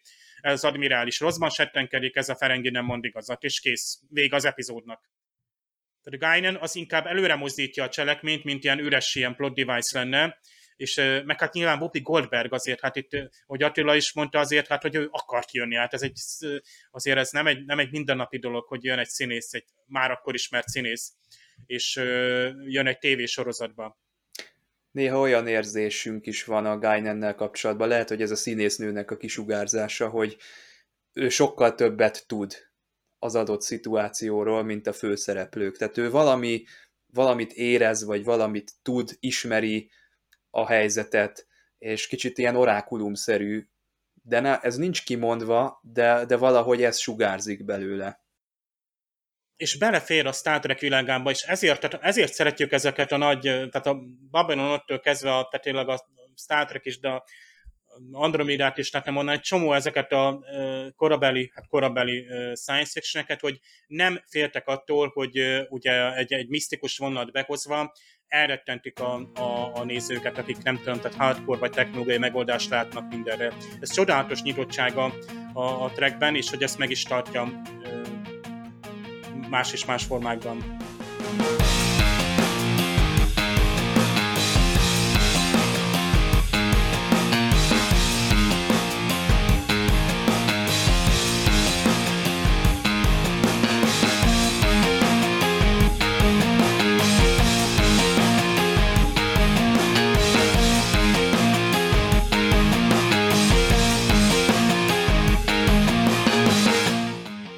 Évad kezdődik a, a TNG-ben, és uh, itt most uh, különleges módon uh, néztem meg ezt az epizódot, hát uh, egy olyan kópia jutott el hozzám, uh, találtam egy videókazettát az útszélén. Uh, no de hát a, röviden ennél az egy epizódnál kipróbáltam azt, hogy uh, milyen volt az első magyar szinkron, ami a az új nemzedékhez készült, neveztesen a TV3 megbízásából, annak idején a Videobox stúdióban. Ez a 90-es évek másik felében készült. A TV3-nál az első két évadot mutatták be, annak idején aztán a csatorna megszűnt, és akkor így, hát ugye próbálták, majdnem elkezdődött egy másik csatornán a vetítése sorozatnak, de aztán eltűnt, és végül a Viaszat 3, ugye ismerjük a Voyager és Deep Space Nine után, vagy mellett leszinkronizálta újból az egész TNG-t. A két nagy különbség az, hogy a, a TV3-as szinkron esetében Pikár kapitány magyar hangja, tehát a régi szinkronban Horányi László, még ugye a Viaszat 3-nál Vargati József. Horányi Lászlót még más mozifilmekben is láthatjuk, illetve egyéb szerepekben Patrick Stewart hangjaként, és mindkét színész jól illeszkedik Patrick Stewarthoz, bár én azt mondom, hogy nagyon eltérnek, amikor így váltogatja az ember a hangokat. Ugye ezen a bizonyos fájban, amit néztem, mind a két magyar hangsáv ott volt. Még egy nagy különbség, hogy a régi szinkronban Détát Ince József szólaltatja meg, ő mozifilmben is aztán megtalálható lesz Déta hangjaként, míg később a Viaszat 3-nál is jól beváltan már Német Gábor van. Azért mondom, mert én Német Gábor hangjával szoktam meg, tehát itt Ince József hangja különösen eltért a, a, a megszokottól. És akkor már is, a, ami a hangokat illeti, rögtön ugornék az első érdekesség, rögtön az, hogy a komputer hangja is teljesen más. A, a komputer azt mondja, a, tudjuk, hogy a komputer hangja ugye Major Ronenberry volt a, a nagyon sok Star Trek sorozatban, és az ő hangja kellemes, és nagyon is emberszerű, tehát egy érzelmes, tehát rendesen hangsúlyjal, mindennel, hanglejtéssel őt, őt egy emberi nőnek halljuk. Míg a TV3 esetében a régi szinkronál úgy döntöttek, hogy a komputer hangját, tehát ilyen GPS-en, robotikusan, ilyen szaggatva ö, adják elő, tehát hogy ráadásul azt mondja még kicsit rosszul is, hogy a, a Repice kompja elhagyta a dokkoló öblöt, ugye a Shuttle B-ről lenne szó, hát ugye ez a dokkoló öböl, egyébként tényleg olyan, mint egy öböl, tehát nem hiába, hogy az angol B szót erre alkalmazták, de a magyarban nem, jön, nem jó, ha ez átjön, már inkább a hangár lesz a jó fordítás. Ugye a magyar második szinkronban azt mondják, hogy az űrkomp eltávozott, a kompkikötő, kompkikötő üres. Kompkikötő az egy picit jobban hangzik. Komp hangár egyébként, de hát kikötőnek is lehet, és egy élénkebb, természetesebb női hang mondja a kompjúternek a, a mondókáját. A Pikár kapitány, hát ugye a régi szinkronban Horányi László hangján hát beszélgetnek, itt ugye Rikerrel és Jordival is vizslatják ugye ezt a bizonyos tárolórendszert, ez a containment module, amit ugye maga Jordi fejlesztett, aki már hát főmérnökké lépett elő, itt gratulál is neki Riker, úgy tűnik, hogy itt tudja meg ezt az előléptetést, és Horányi László, itt érzem, hogy egy picit az ő hangja egy, egy, egy, egy, egy, egy, egy, egy finomabb, visszafogottabb, disztingváltabb kapitányt ad elő. Ugye itt arról szól egyébként a mondat, hogy nézze meg a tároló rendszert, amit a főgépészünk tervezett, míg a, a magyarban, hát második magyar szinkronban a, a Vargaté József egy kicsit, hát ahogy szoktuk mondani, picit katonásabb, erőteljesebb hangon mondja, hogy nézze meg a környezeti modult, amit a főgépészünk tervezett. Ugye ez egészen konkrétan ez egy olyan modul, ez a containment, ami megakadályozza, hogy tehát a környezet és a benne lévő bármi, ami ott van, amit tárolnak, az kapcsolatban lépessen egymástól. Tehát ez a tárolórendszer, mert a környezeti módon mind a kettő jó fordítás, csak más megközelítés.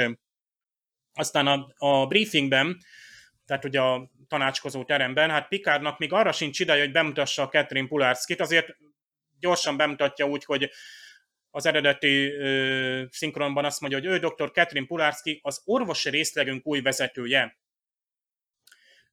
Még a, a Viaszat 3-on azt mondja Pikár kapitány, a hölgy dr. Catherine Pulárszki, a formális bemutatkozás későbbre halasztjuk, és a formal introduction, ez tényleg elhangzik az angolban, viszont az orvosi részleg új vezetője nem is volt benne. Tehát itt a magyar ezt hozzáköltött, tehát a Pikár kvázi elmondta a funkcióját is, pedig az angolban el se hangzott. Tehát a TV3 hozzátette egy picit, a, mintha magyarázni akarta volna a fordító, hogy ki ez a dr. Pularski.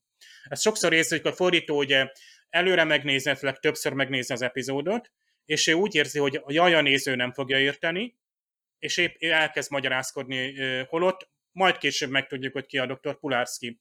Ez egy dramaturgiai hiba, vagy egy hiba, amit egy dramaturg elkövet, mert többet tud a nézőnél.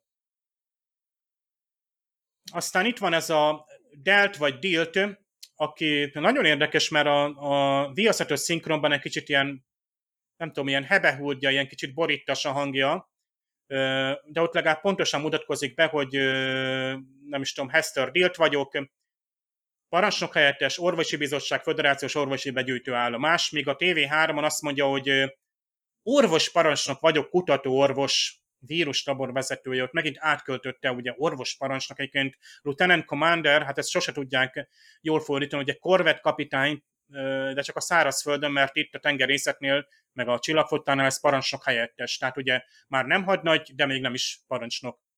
Egyébként ez a dílt ugye később ott lesz majd a, a raktérben is. Aztán ugye Worf ugye kirohan a gyengékedőre két biztonsági tisztere Pulácki lenyugtatja, hogy you and your man can relax, it's just a baby, ez csak egy baba. Ebben nincs hiba, csak annyi, hogy a szinkronban, például a TV3-as szinkronban, hogy a Pulárszki képen kívül van, a Worfot mutatják, és a Pulárszki előbb kezdi el fölmondani a, a szövegét, de nem lehet észrevenni, mert nem mozog a szája, vagy nem látjuk ö, a száját. Egy érdekes szinkronos érdekesség, hogy az, ugye ez a bizonyos kópia, ez hát ugye ez magán hát ilyen fölvételekből keletkezett, nyilván egy kitartó, szorgalmas munka, de akkor is hát bizony ez nem egy illegál, vagy nem egy legális fölvétel, de pont ezért fordulatott elő, hogy nekem a átvezetőben a Pikár kapitány azt mondja, hogy hajónapló kiegészítés két súlyos probléma okoz gondot a hajón. Itt a TV3-as verzióban olyan, mint a a TV3-as verzióban a Viaszat 3-as verzióból vettek át hangot, tehát hirtelen a Vargati József beszél, majd visszavált Horányi Lászlóra. De ugye nyilván ez nem így történt a, annak idén a televízióban, hanem itt ugye utólag hát így pótoltak egy, egy hangot, ügyes megoldás amúgy. Néha így az angolra szoktak ilyen estekben visszaváltani. Détának a rangjával is gond van, ugye elvileg hát Commander most már, azt hiszem, hogy Lieutenant Commander volt az első évad. Érdekes, hogy mindenki előbbre lépett, tehát szerencsétlen Riker nyilván parancsnoki rangban van beragadva, a kimzázósnak ide kellett volna jönni, már azóta hat nagy lenne, második évadban. Commander Data, azt a TV3-on Data másodtisztként mondja Pikár, szerintem elég szerencsétlenül, mert másodtiszt a pozíciója, de a megszólításkor szerintem a rangját kéne mondani. A magyarban viszont Pikár azt mondja Mr. Data. Ezt a Mr. Datázás is kicsit olyan, olyan fura, hogy de tudjuk, a Pikár néha azt mondja, hogy Will néha kapitányok mondanak keresztnevet, néha udvarias megszólítás, máskor meg rangot. Aztán hát újra találkozunk O'Brien-nel, aki hát a TV3 szerint a raktárfedélzeten dolgozik. Ugye mm, és ott ugye cargo deckről van szó, amit a Viaszat 3-as szinkron már nagyon jól ötös rakfedélzet, cargo deck 5 ötös rakfedélzetnek fordít, egy nagyon jó szó, ugye cargo deck, rakfedélzet, kompakt és praktikus. Aztán úgy tűnik Vezi már nagyon régóta ismeri Guinan, tehát a TV3-as szinkronfordító egyenesen úgy gondolja, hogy ők tegeződnek egymással. Nekem különösen furcsa, mert én szerintem pláne, hát főleg ha tudná, hogy 500 éves, de hát ez tök mindegy. Tehát azt mondja, hogy már harmadszor kérdezed ezt a bizonyos kérdést, ezt a Prometheuszi nektár, amivel kínálja uh, Guinant. A Viaszat 3-ban udvariasabb a vezi, azt mondja, hogy háromszor kérdezi ugyanazt. Későbbekben pedig ugye Guinan, hát ugye egy hát ilyen Delovian szuflét hát kínál fel, vagy szolgál fel Vezinek, aki meg is köszöni azt, de igazából hát nem azt köszöni meg, hanem ugye I'm, I meant for the rest. Na most itt a rest szó, ez nagyon érdekes, mert ugye rengeteg jelentése mellett ez a két fő nagy jelentés az, hogy ilyen pihenés, így röviden, illetve hogy maradvány, maradék, többi dolog. És az egyik fordító az egyik értemben használja, tehát az egyik Wesley azt mondja, hogy ugye, tehát nem a devlori levest, köz, levest egyébként, tehát a szufle egyébként azt is jelenti, felfújtott levest, tehát, vagy pudingot, tehát nem a devlori levesért mond köszönetet, hanem a többiért, a többi dologért, amit a Guinan tett, amiről beszéltünk is, hogy Guinannek igazából itt a, ezek a koktélok, szuflék, ezek csak kiegészítők, ilyen praktikus kellékek ahhoz, hogy megoldódjon az illető nyelven, no nem az alkoholtól, hanem csak a kötetlen környezettől, beszélgetéstől. Egyébként a TV3-on a Wesley úgy is köszön a Guinantől, hogy szervusz, tipikus, nem a 80-as években megyek vissza, hát nem is tudom, tehát felnőttek mondják egyébként gyerekeknek visszafelé, semmiképpen nem jó, még akkor sem. Viaszat 3-on ugye Devlori koktélről van szó dupla jéggel, és Wesley ott azt mondja, hogy nem a koktélt köszönő meg, hanem a nyugalmat. De inkább, inkább azt kellett volna mondani, hogy megnyugtatást. Két fordító, két felnézőpont, és ez teljesen érdekes. Hát érdekes, itt jön ki egyébként az, hogy néha érdemes egy angol feliratot, például a magyar szinkron mellé angol feliratot bekapcsolni, vagy egyszerűen angol eredeti hanggal is végnézni, a magyar hangokkal is nagyon élveztes, néha viszont az angolban egész más dolgok hangzottak el. Például itt van ez a bizonyos diagnosztika az L73-as modulon, a TV3-on az L37-est, míg a Viaszat 3 az, az L73-as modult kell ellenőrizni. Egyébként ez ilyen általános iskolás angol tanulós hiba, hogy 32-73, ugye nem értem, hogy ezt hogy kevert össze a fordító, amikor ki is mondják, hogy ugye 7-3, tehát nem a 73 és 37-et keverte, tehát fura. Aztán itt, itt van egy bizonyos sugárzás. Data uh, úgy hivatkozik rá, hogy ugye mi hozhat létre, például Subspace Phase Inverter. Na most ugye a TV3-on úgy mondja a szinkron, hogy egy szubtéri fázis motor, tehát ez a motor szó megint be uh, oktalankodik, tehát igazából itt uh, megint úgy hangzik el, mint az bármire lehetne használni, mint valamilyen műszaki, ilyen fekete doboz, hogy hát valami gépészeti eszköz, amire nem tudjuk a működését. Inverter, mi lehet az? Nem tudjuk, legyen motor. A Viaszat 3 tovább gondolkozott a fordító, azt mondja, hogy szubtéri fázis átalakító, és az inverterre ez pont jó, ami valamit átalakít, átvált. Uh, Troy úgy határozza meg ezt az élőlényt, uh, a gyermekét, he's a life force entity. A TV3-on uh, Troy azt mondja, hogy anyagtalan tudat, a Viaszat 3 már életerő jelenségről van szó. Végül is kétfajta megközelítés, egy meg nem fogható entitásról van szó, tehát igazából nem kell kritizálni egyik fordítás sem.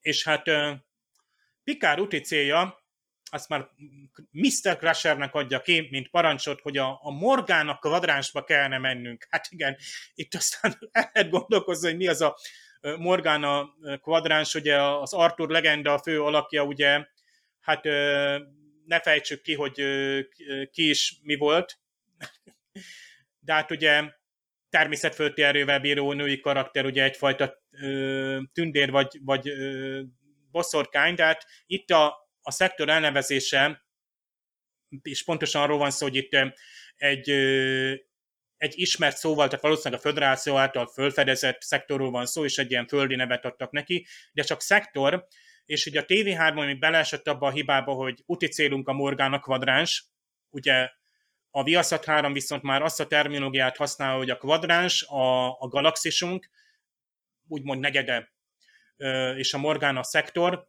a Morgana az csak egy szektor, ahol mondjuk találunk több naprendszer, csillagot, de semmiképpen nem ugye egy negyed kvadráns méretű.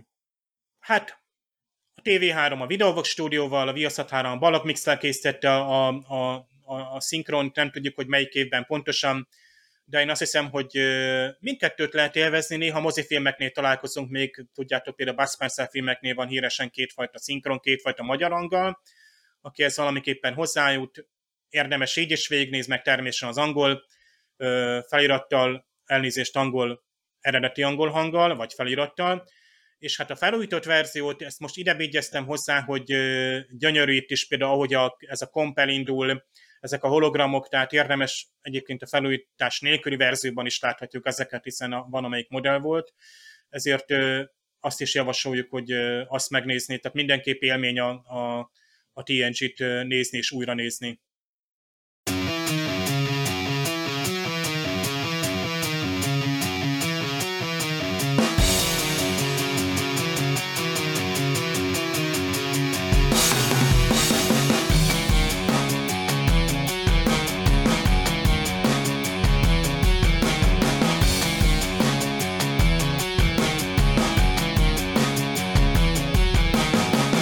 Számomra ez a történet nem amiatt lesz jó, ami miatt eredetileg kitalálták, tehát nem a gyermek miatt lesz nekem izgalmas a gyermek című epizód, hanem egy csomó érdekes új impulzus éri az embert, új szereplők jönnek, a hajó egy kicsit átalakul, Rob Bowman is egy kicsit máshogyan rendezte meg ezt az egészet.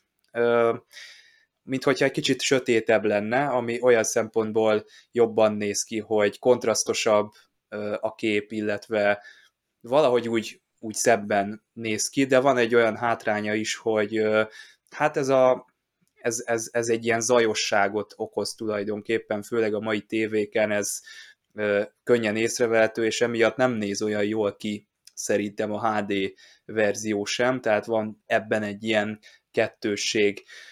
Jordi főgépész, nem is értem, hogy miért nem így kezdődött a sorozat, hogy ő főgépészi pozícióban van, nyilván ez már csak így utólag visszavetítve érdekes számunkra, vagy merül fel, de hát ez olyan, mintha tehát ő beleszületett volna ebbe az egészbe, és érthetetlen, hogy miért nem így kezdődött el a, a történet, vagy az egész sorozat. A gyermek viszont hát a végén, ahogy Dave mondta, nem nem zárta annyira a szívébe szerintem senki, vagy hát nem volt közös jelenete, egy közös jelenete volt ugye már a Picarddal, meg a, a Dr. Pulaszkival, ezért nem volt olyan fájó a búcsú, pedig értem, hogy tehát ez egy nagyon szép történet pedig, nagyon szép ez a keret, amit kitaláltak, de nem volt elég idő, tehát értem, hogy mit kéne éreznem, de nem érzem, sajnos, pedig Marina Sörtis mindent megtett, tehát az ő részéről nincsen ebben a dologban hiány. Nagyon jól megcsinálta ugye a, a szülési jelenetet is, könnyek között hozta világra ugye Iant, annak ellenére, hogy ott toporogtak a Worf és a biztonsági szolgálat a háttérben, és nagyon szépen el is búcsúztatta, tehát ami az ő része, azt kitűnően megcsinálta, és nagyon örülök, hogy írtak neki külön egy epizódot, még hogyha a Phase 2-ból rángatták is át a, a keretet, ez tök jól átültethető volt, és jól megcsinálták, de nem sajnos azt kell, hogy mondjam, hogy a gyerek az nem kapott elég műsoridőt, lehet, hogy ezt mozifilmbe kell, lehet, hogy ezt dupla epizódba kell csinálni, terhére ment a dolognak a, ugye ez a vírus szál is, lehet, hogy sok volt ez így egyszerre a kettő, és nem lehetett megfelelő mértékben elmélyülni ennek a fiatalembernek a tapasztalatain. Kéne az nekünk nagyon nézőknek beleélés szempontjából, hogy ez a lény, ez mit akar miért akar ember lenni, amikor nem ember, akkor mit csinál éppen? Nyilván ezek, ezek olyan kérdések, hogy egy 45 perces epizódba ezt nem lehet beletenni, de nagyon szükség lenne rá mégis olyan szempontból, hogy minimálisan tudjuk, hogy miért is kell neki megszületnie gyerekként, meg miért is kell uh, végigélnie emberbőrben ezt a történetet. Tehát ezek hiányoznak számomra ahhoz, hogy, hogy ez működjön, de mégsem tudok erre rossz epizódként gondolni. Tehát ez az évad nyitó, Riker szakálla, hát az megint csak egy Jordihoz hasonlóan megint csak egy olyan kérdés, hogy miért nem így kezdődött el a, az egész sorozat, de megint csak ugye visszamenőleg, utólagosan látjuk így a helyzetet. Na de Magdi, hát ha te tudsz valami jó indokot mondani, hogy miért megható ez, a, ez az IN történet? Lehet, hogy én túl sok cifit olvastam meg, de hogy nagyon sokszor vannak ilyen sztorik, amikor az idegen lény úgy akarja megismerni az embereket, hogy, hogy vagy megszületik, vagy belebújik valakinek a bőrébe, vagy, és át akarja élni, amit az emberek átélnek, az érzelmeket, a, a, a, itt a nem tudom, hogy itt mit akart pontosan átélni, de ugye hát az emberi létet akart átélni, hogyha jól értelmezem, tehát hogy azért akart megszületni, hogy ugyanúgy szülessen, ahogy egy ember születik. De hogy nekem a megható része nem is annyira az, hogy most megszerettük-e ennyi idő alatt a karaktert, mert nyilván ebbe igazad vagy, erre nagyon kevés idő volt, meg kevés olyan helyzet adódott, amikor meg tudtuk volna szeretni, hanem én a, a Diana szeretetét szerettem meg benne, tehát ahogy ő viszonyult ahhoz a gyerekhez, hogy gyakorlatilag pár óra múlva már szerette a gyereket, ahogy megfogant benne, és, és olyan igazi anyai ösztön volt ez nála. Tehát, hogy igen, creepy a helyzet, igen, nem tudom, mi nő bennem, de ez az én gyerekem és nem engedi el. És, és akkor utána, amikor a, a, nekem az nagyon, de én, én tényleg megsirattam, amikor meghalt, de, de igazad van, nem annyira a karaktert, mint azt, hogy Diana-nak milyen fájdalom ez, hogy elveszíti a gyerekét. És, és ez lehet, hogy azért, mert nő vagyok, és nőként ezt annyira át tudom érezni, hogy ez, ez hogy egy anya elveszíti a gyerekét, nem is tudom, hogy annál van-e nagyobb fájdalom a világon és hogy, hogy én ezt éreztem ki belőle, pedig még mondom, amikor először láttam, akkor csak ilyen tizenéves voltam, és, és akkor is már valahogy ezt átéreztem, ezt a, a Diana, és hogy, hogy az megható, hogy Diana mennyire meg tudta szeretni. Úgy, hogy igazából nem volt ideje rá, és mégis pár óra alatt úgy megszerette, mint hogyha tényleg benne, tehát mint hogyha hónapok vagy évek teltek volna el.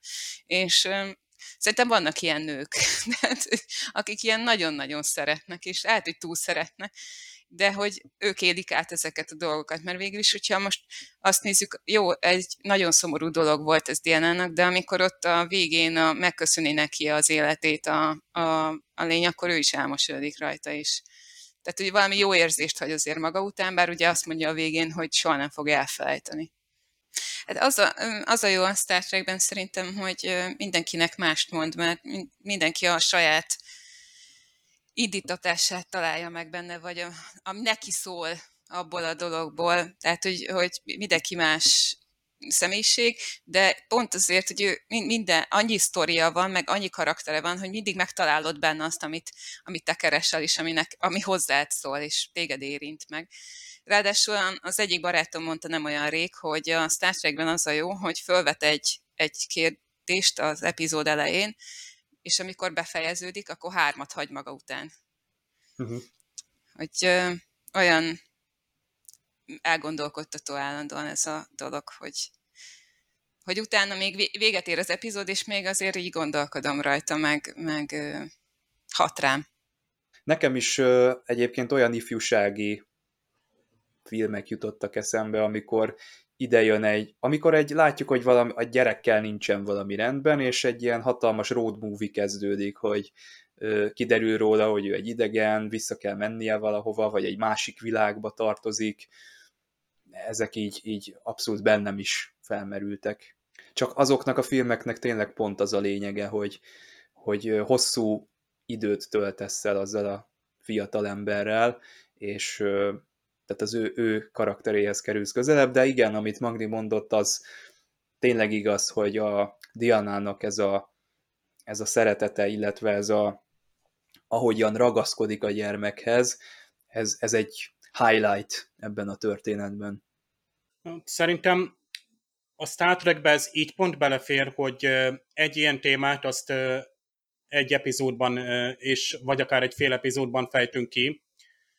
Először is a, a, az alaptéma az, hogy teljesen másképp növekedik egy, vagy fejlődik, vagy a szemünk előtt törekszik meg egy emberszerű lény. Azt pont a TNG-ben is láttuk, már meg fogjuk látni.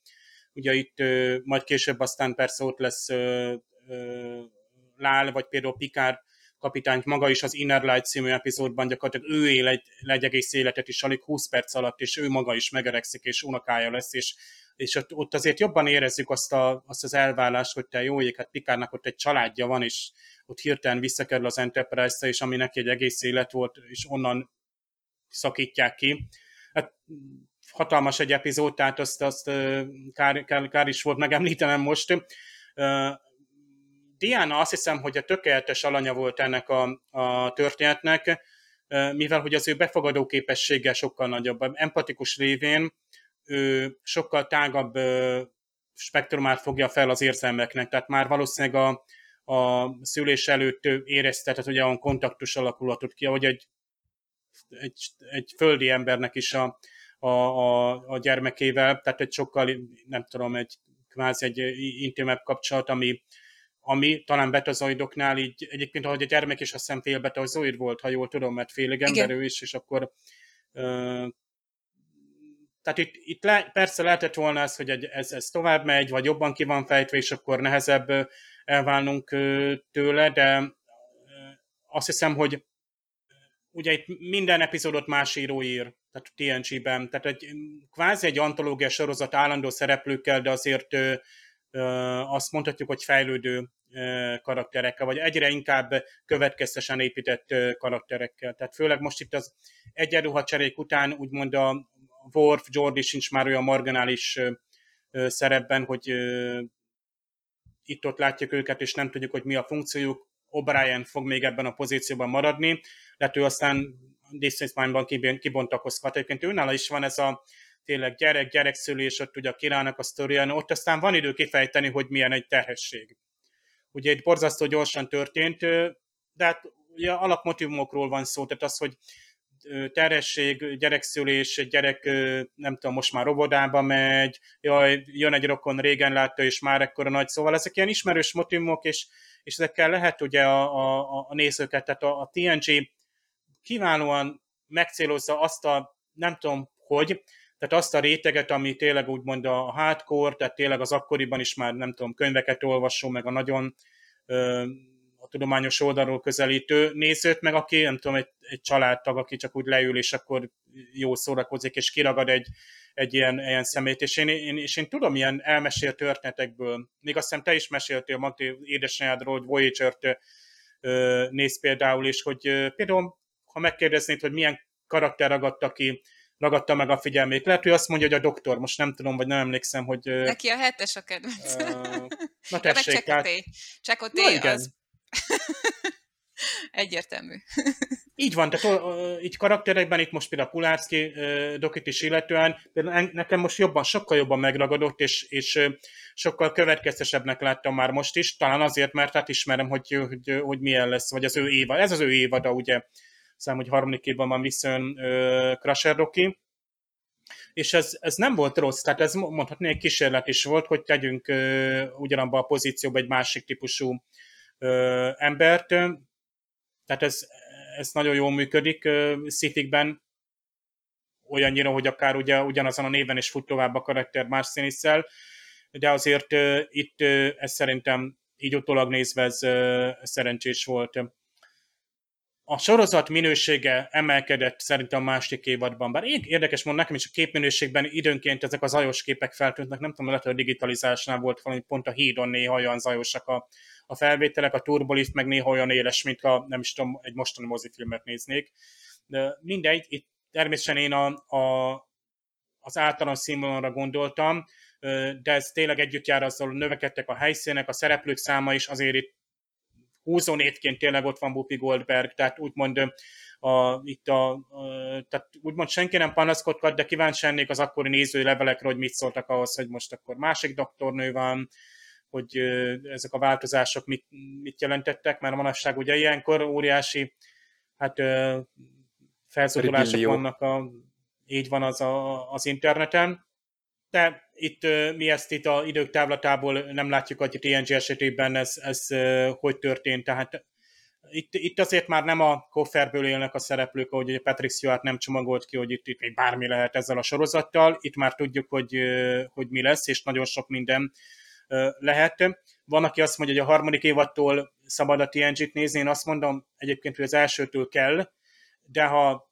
valaki tényleg így, így tényleg nagyon kívülállót szeretne odahozni, aki nagyon ritkán néz mondjuk régebbi akár science fiction vagy sorozatokat, akkor már a másik évadból lehet ö, szemezgetni. Egyébként például ez tökéletesen jó arra, hogy, hogy mindkét cselekményszál fordulatos, izgalmas, ö, látványos dolog van, és ö, tényleg a, a, jól pörögnek a párbeszédek, a szereplők ö, ö, a helyükön vannak, szóval én azt mondom, hogy csak nézzük, és hát ugye amikor kiskutyák vannak a, a Star Trekben, az nyilvánvalóan, hogy mindenkinek kedves, bár azért én is csodálkoztam meg egyáltalán, hogy ez a napközi, hát nyilván ennek is lennie kell a, a hajón, meg ilyen óvónéninek is, ugye később majd ugye Alexander estében játszik ez fontosabb szerepet, hiszen ő lesz meg következő, így kisebb gyerek szereplő.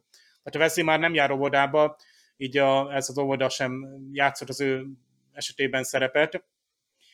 Viszont a, a Jordannak a tevékenysége, ez viszont ez borzasztóan tetszik, amikor ő például pannereken élőben mutat valamit, ott élőben most például oda varázsolták ezt a hologramot, hát ez, tehát, és ez 88 pont, tehát itt ilyenkor tényleg azt mondom, hogy mit akarunk mi, egy, nem tudom, egy, egy mai science section miben a többet?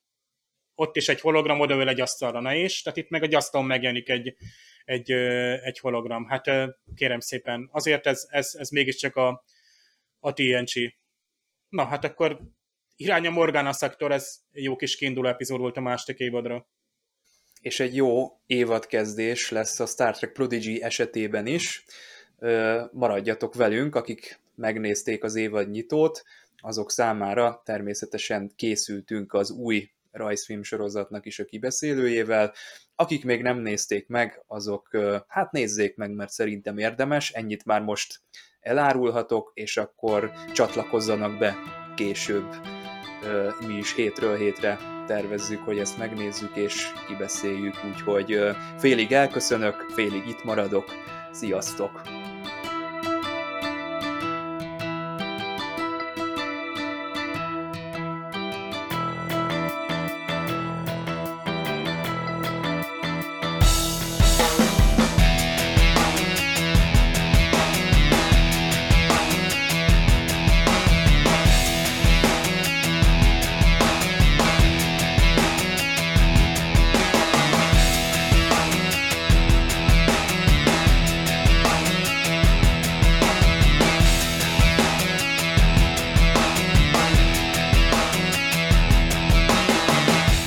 Lost and Found, ez a címe a Prodigy pilotjának, ami egyből egy dupla epizód, és hát ultra cukiság.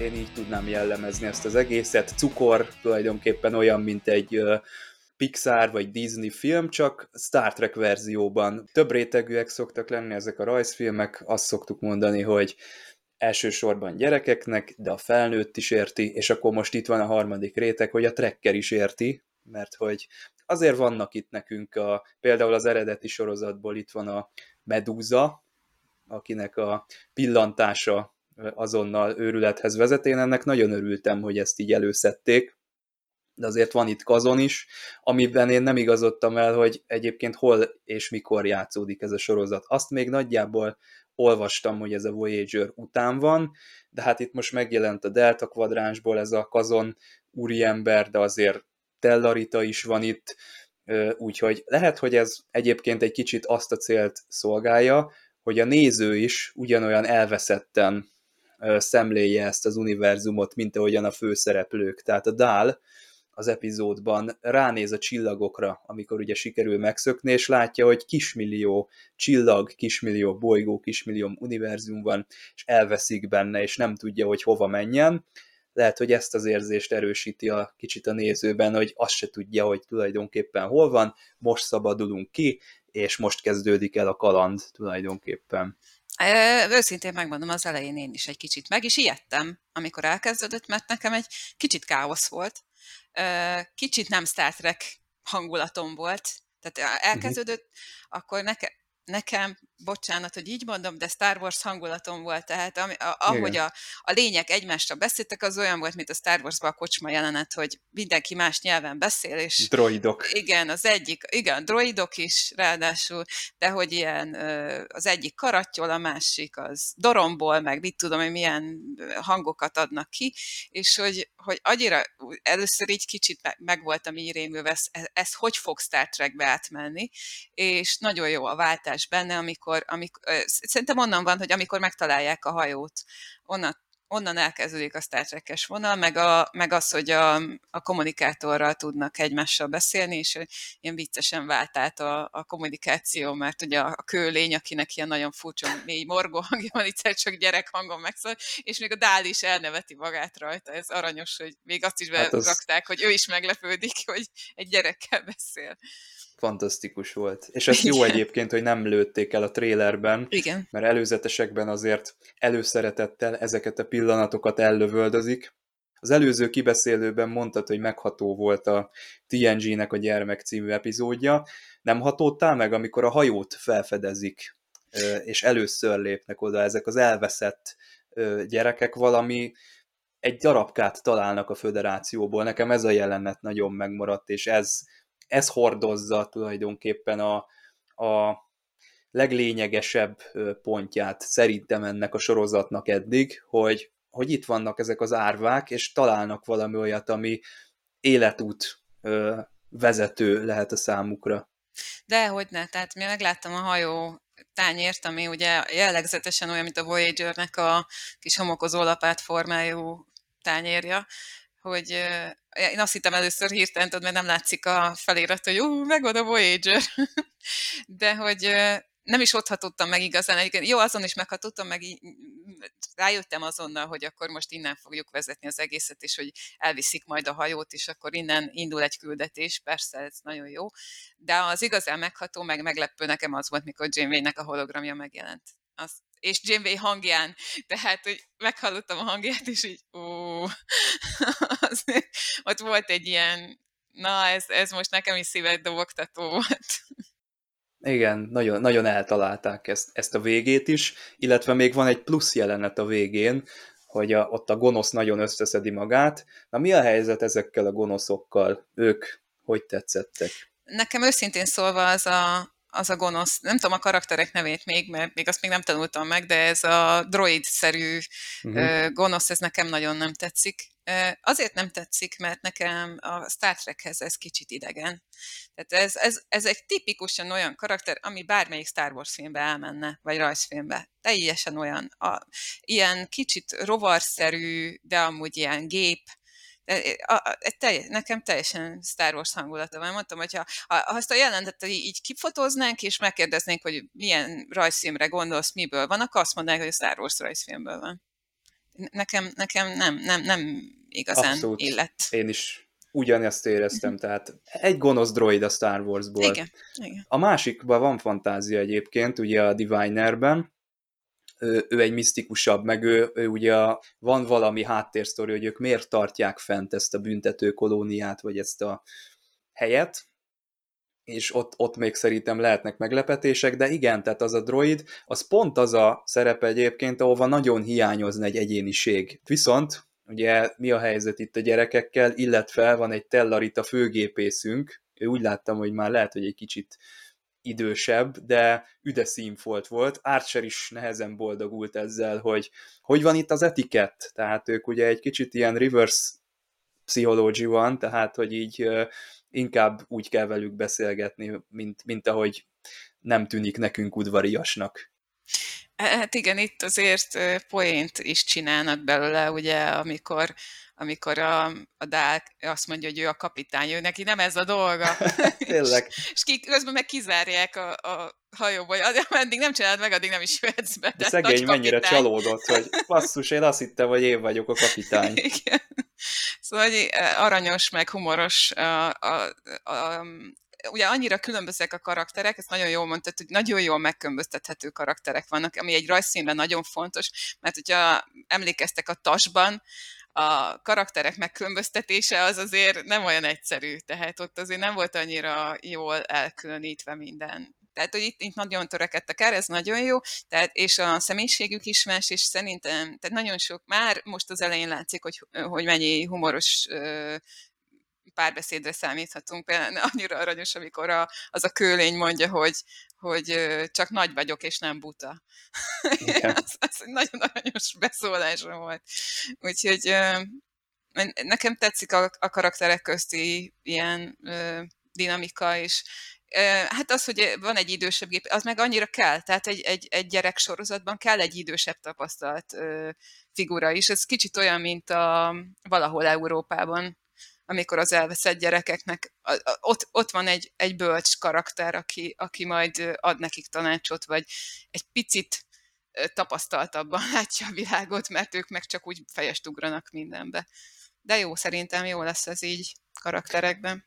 És van egy kis állatkájuk is, ez a kis... Igen. Orville valami hasonló a Japit, csak, csak ő nem ennyire cuki. Hát az meg azért, hát az kell, hát valamilyen merchandise terméket kell majd csinálni ebből. És Zselés, hát... szmötyi. Ezzel fogják dobálni egymást az iskolában a gyerekek. Azt tudni, tehát hogy ez meg nagyon muszáj volt. Hát egy rajzfilmben, pláne, hogy így emlegetted, hogy olyan, mint egy Disney film, mert mindegyikben vannak a, a cuki karakter, a kicsi cuki karakter, az kell mert hogy, hogy az így megragadja a gyereket, hogy tetszik neki, hogy valami kis aranyosság van kis házi Igen. állat. Nagyon cuki egyébként az a kis csiga, vagy nem tudom mi ez. Neked egyébként ez hosszú volt, vagy, vagy pont jó volt így 45 percben? Hát nekem felnőttként ez nem volt hosszú, de annyi, mint egy, egy normál epizódnak a hossza. De hát gyerek, attól függ, hogy milyen korosztály hogy, hogy mennyire hosszú nekik egy 45 perc. De hát mivel uh-huh. amúgy 20 percesek lesznek a rajzfilmek, az így most így ebből a tekintetből nem, nem hosszú, mert ez egy dupla epizód így. Hát szerintem így most jó. Hát bevezető epizód az meg majdnem mindig így szokott lenni minden ö, sorozatnál, hogy dupla epizóddal indítunk. Hát köszönjük a mai adás hallgatóinak, meg a törzs hallgatóknak, meg az alkalmi hallgatóknak, meg mindenféle egyéb hallgatóknak, akik a felsorolt halmazókban nincsenek benne, hogy ma velünk tartottatok, és akkor jövő héten folytatjuk, kíváncsian várjuk a TNG epizódot is, illetve a Prodigy epizódot is, Köszönjük szépen egyébként Dévnek is, hogy még a előző kibeszélőben itt volt velünk, és természetesen a szokottnál alaposabb szinkronos érdekességeket, mert most kettőféle szinkront hallgatott meg egyszerre párhuzamosan, azért ez új teljesítménycsúcsot jelent, és hát Magdinak is természetesen köszönöm szépen, hogy ismét itt járt. Sziasztok! Sziasztok! Sziasztok!